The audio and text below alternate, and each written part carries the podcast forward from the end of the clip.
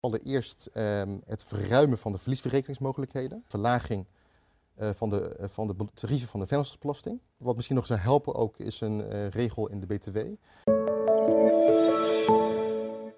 Namens DLA Piper van harte welkom. Uh, ik ga in gesprek met een van de leden van de COVID-19 Taskforce binnen DLA Piper, uh, die belast is met alle tax-aangelegenheden. Uh, eh, JCQ, fijn dat je even tijd kon maken in deze vreemde tijden. er zijn een aantal dingen die je in deze video kwijt wil. Welke dingen zijn dat? Ja, Ronnie, dankjewel. Het zijn er eigenlijk drie. Ik heb drie onderwerpen die ik graag met jou wil bespreken vandaag. dat is allereerst wat ik nu zie bij mijn cliënten. wat gebeurt er bij hun door COVID-19? Ja. Uh, twee, uh, uh, wat doet de overheid op dit moment aan fiscale maatregelen om die getroffen ondernemingen te helpen in deze tijd? Ja. En drie, mocht het onverhoopt nog gekker worden met mm -hmm. COVID-19, wat zou dan uh, de overheid kunnen doen om deze ondernemingen nog verder te helpen richting de, de toekomst? Dus een, een, een eh, persoonlijk JC-advies, een DLA Piper advies aan de overheid om mee te eindigen. Exact. Ik ben ja. benieuwd, laten we bij het begin uh, beginnen. Wat gebeurt er op dit moment allemaal? Wat is er aan de hand? Ja, ik zie een aantal dingen gebeuren. We, wij adviseren natuurlijk veel ondernemingen, van, van klein tot groot, mm -hmm. in verschillende sectoren. maar wat je over het algemeen ziet, is dat veel ondernemingen nu te maken hebben met vraaguitval. Ja. En dat leidt tot omzetdalingen. Ja. Um, tegelijkertijd heb je dus dan ook uh, een lagere cashflow. Er komt minder geld binnen. Ja. En dat zorgt weer voor liquiditeitsproblemen. Mm -hmm. En er is dus veel gericht bij ondernemingen om ervoor te zorgen dat, uh, nou ja, dat wel die cashpositie op peil blijft. Mm. Uh, en je ziet dus ook daadwerkelijk dat bepaalde investeringsbeslissingen worden uitgesteld. Ja. Die worden of op hold gezet of nou, die worden nou, op de lange termijn gezet. Ja. alles op het oog, met het oog op, op het behouden van, van cash in een onderneming. Dat betekent dus, dus als er geen cash meer binnenkomt, zo weinig mogelijk cash eruit. Dus exact. eigenlijk. Ja. En het gaat in een razend tempo hè, bij veel ondernemingen. Hè? Het is niet zo van we, we zien een kleine omzetdaling maar ja. het, in sommige gevallen is het echt uh, heel veel. Ja, klopt. Uh, en je ziet het uh, met de dag veranderen. Dus het is een ja. hele veranderlijke situatie bij ondernemingen. Dus waar op de ene dag nog een project zou moeten doorgaan, kan het zomaar anders zijn een dag later. Ja. En dat zien we dus nu geregeld in de praktijk, waar wij adviseren over bepaalde projecten. Uh, die opeens worden op, uh, op hold worden gezet uh, ja. in één keer. Ja. Maar het kan ook weer zijn dat zij opeens weer worden opgestart. Mm -hmm. Omdat juist nou, het, het COVID-19 ervoor zorgt dat ze inzien dat er weer iets moet gebeuren ja. op bepaalde gebieden. Ja. Wat zijn de huidige maatregelen van de, de Belastingdienst? Wat zijn de maatregelen die op dit moment allemaal genomen zijn? Kun je daar een kort iets over vertellen? Uh, het zijn er een aantal. Ja. Um, uh, het is een groot pakket, maar ik, ik wil eigenlijk de, de meest belangrijke fiscale maatregelen uh, willen benoemen. Ja. dat is allereerst dat de overheid voorziet in een tegemoetkoming in de loonkosten. Ja. Um, ondernemingen hebben natuurlijk vaste lasten en mm -hmm. een daarvan dat zijn salariskosten. Mm -hmm. um, en met het oog op de continuïteit van ondernemingen heeft de overheid besloten om een tegemoetkoming te geven aan die ondernemingen. Nou, wat houdt dat in? Um, het is eigenlijk uh, een tegemoetkoming van 90% maximaal in de salariskosten van die werknemers. Mm -hmm. En dat is gebonden aan, aan twee vereisten. Uh, allereerst dat, er, uh, dat, dat die onderneming die werknemers behoudt voor de periode dat die tegemoetkoming geldt. Dat is ja. in principe drie maanden. Klinkt, als logisch. logisch. Klinkt als logisch. Absoluut. Ja. en twee, dat um, voor zover er dus nog extra salaris moet worden betaald, bovenop de tegemoetkoming die de overheid geeft, dat dat wordt betaald door de uh, onderneming. En dan hebben we het over 10%? Dat kan 10% zijn als de tegemoetkoming 90% is. Ja. Maar als de tegemoetkoming bijvoorbeeld 50% is, dan zal de andere 50% moeten worden betaald door de onderneming. En waar is dat van afhankelijk, dat percentage? Het hangt af van de uh, omzetdaling. Uh, dus deze regeling geldt alleen voor ondernemingen die minimaal een omzetdaling hebben van 20%. Hm. en ook de tegemoetkoming is daarvan afhankelijk. Oké. Okay. Dus dan moet je wel cijfers overdragen of je moet je, je, order, je orderlijst overdragen. Of dat, het klinkt alweer van, oeh, hoe regel je dit? Dat klopt. Nou, eh, ook daar heeft de overheid gelukkig in voorzien. Dus uh, je zal in principe uh, bij, bij, bij aanvraag krijg je het, uh, goed, krijg het goedgekeurd zonder ja. veel toetsing.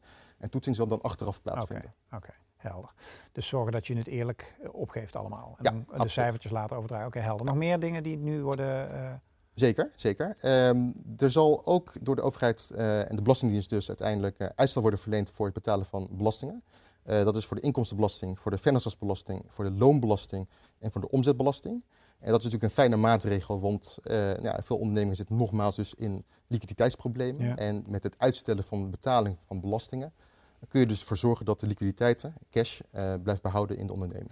En uh, oké, dus, maar dat, dat, is uitstel, geen afstel, uh, afstel voor de duidelijkheid. Dat is inderdaad uitstel. Oké, ja, en dat geldt voor al die belastingen die jij net noemde. Ja. Daar kan elke ondernemer, of zeg ik dan te simplistisch, die kan daar vanaf nu gewoon, die kan dat uitstellen met, de, met die, die kan er om verzoeken, inderdaad. Ja. En je moet er wel om verzoeken. Je zal, ja, je moet er wel om verzoeken. Ja. Oké. Ja. En hoe doe je dat?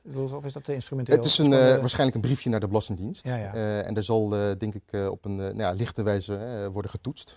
dus dat zal vrij snel worden toegewezen. Okay. Um, en tegelijkertijd zal dan ook uh, de verzuimboetes voor niet betalen van de belasting ook worden uh, helder. Uh, opgeschort. Ja, helder. Oké, opgeschort of niet worden Het wordt niet geïncasseerd. Nee, precies. Ja. Nee, helder. Nog meer dingen?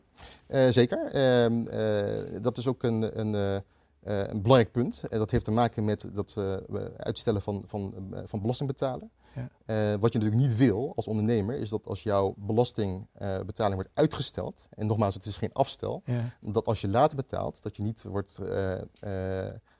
Uh, dat je niet opeens invorderingsrente krijgt of belastingrente. Want de invorderingsrente geldt op dit moment staat op 4%. dat is toch best wel flink. Ja. en de belastingrente staat op 8%. maar ook daar zal in worden voorzien. Want die belastingtarieven gaan omlaag naar 0,01%. Wat is daar de logica van, eh, JC? Ja, je zou denken, waarom gaat het niet gewoon naar 0%? Ja. Uh, maar dat is een, uh, een maatregel uh, omdat het uh, qua uitvoeringsprobleem, eh, uitvoering anders problemen zou geven bij de, bij omdat de het dan, Omdat het dan niks is. Precies. Ja, ja het moet iets ja, zijn. Het werkt niet in hun systeem. Nee, precies. Software says no. Ja, ja, ja, ja dat zal het letterlijk zijn. Geweldig. Ja. Zijn dat de punten die op dit moment spelen qua maatregelen? er is nog één maatregel. Okay. En dat is um, dat er um, ook de mogelijkheid zal worden geboden aan ondernemingen om te vragen om een voorlopige aanslag. Um, en dat kan dus uh, worden gedaan met een lagere uh, winst. En daardoor zal dus ook minder belasting worden betaald okay, uh, door de onderneming. En ook weer met het oog op het, op het behouden van geld in de onderneming. Oké. Okay. even, even één vraag en dan wil ik naar het derde hoofdstukje over de toekomstige maatregelen die jij zou willen zien als het nog ernstiger wordt. Mm -hmm. stellen we hiermee een heel groot probleem niet? Schuiven we hier een heel groot probleem in wording mee vooruit?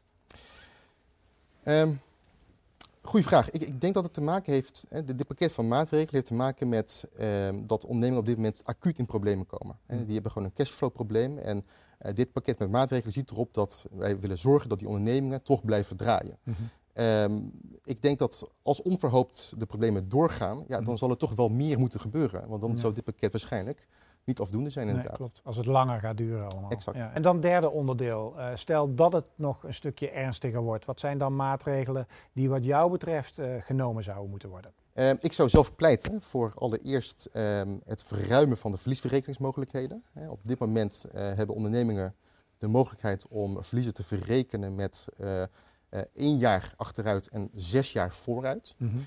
Uh, maar ik zou dan pleiten om die mogelijkheden te verruimen, uh, vooral richting het verleden. Ja. Zodat ook weer ondernemingen uh, nou ja, belasting die in het verleden betaald is, nu weer terug kunnen krijgen, zodat ja. ze dat kunnen gebruiken voor de onderneming. Dus dat betekent daadwerkelijk een groei van je cashflow als je deze regeling kunt toepassen. Ja, okay. absoluut. Helder.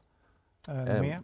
Ja, een tweede wat ik zou willen voorstellen is dan een verlaging van, de, van de tarieven van de vennootschapsbelasting. die staan op dit moment nog vrij hoog mhm. relatief. Mm -hmm. Dus dat is uh, op dit moment 16,5% uh, laag tarief. En het standaardtarief is 25%. Ja. Dat, uh, de, het voorstel is om dat te verlagen volgend jaar naar 15% voor het verlaagtarief en 21,7% voor het standaardtarief. Ja.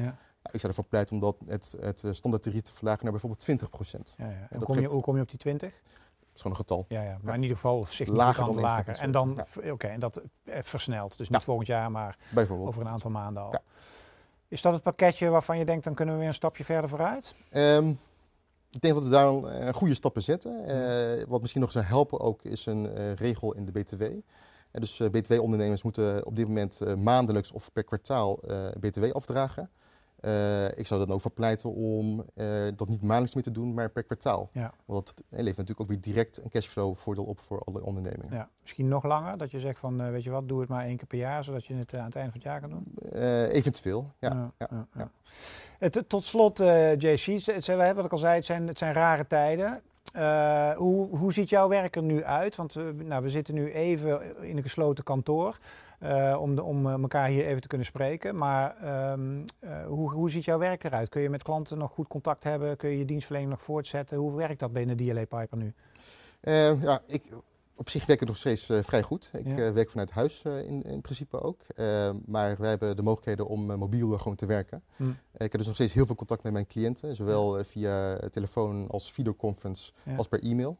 en ik denk dat wij dus in de bevoorrechte situatie zitten dat wij nou ja, door kunnen blijven gaan met ons werk. Hm. we hoeven niet per se op kantoor te zijn wat dat betreft. Dus je bent gewoon bereikbaar? Absoluut. Heel goed. Dan wens ik je heel veel succes uh, de komende tijd. En uh, dankjewel voor het kijken naar deze speciale uh, serie van de DLA Piper Task Force COVID-19. En ik zeg stay healthy.